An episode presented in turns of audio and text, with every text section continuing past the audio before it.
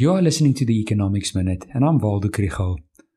This week, new data will be released that may shed light on the recovery of the economy. These include quarterly employment survey figures for the fourth quarter of 2020, private credit extension, the trade balance, ABSA's Purchasing Managers Index for the manufacturing sector, and also new car sales.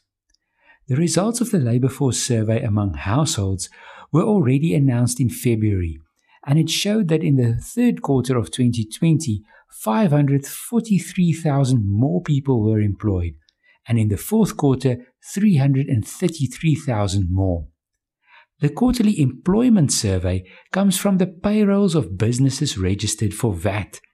According to this survey, employment increased by 198,000 jobs in the third quarter and economists are curious to see what the recovery looked like in the fourth quarter.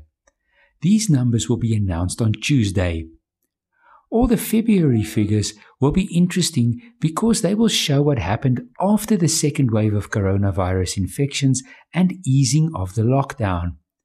Economists expect private credit extension to have increased by slightly more in February than in January, and for the trade balance to have remained positive. The Purchasing Managers Index for the manufacturing sector and new car sales are leading indicators of how the economy is doing, and we hope to see some improvement. If you want to learn more about the economy, follow the Econ 101 page on Facebook.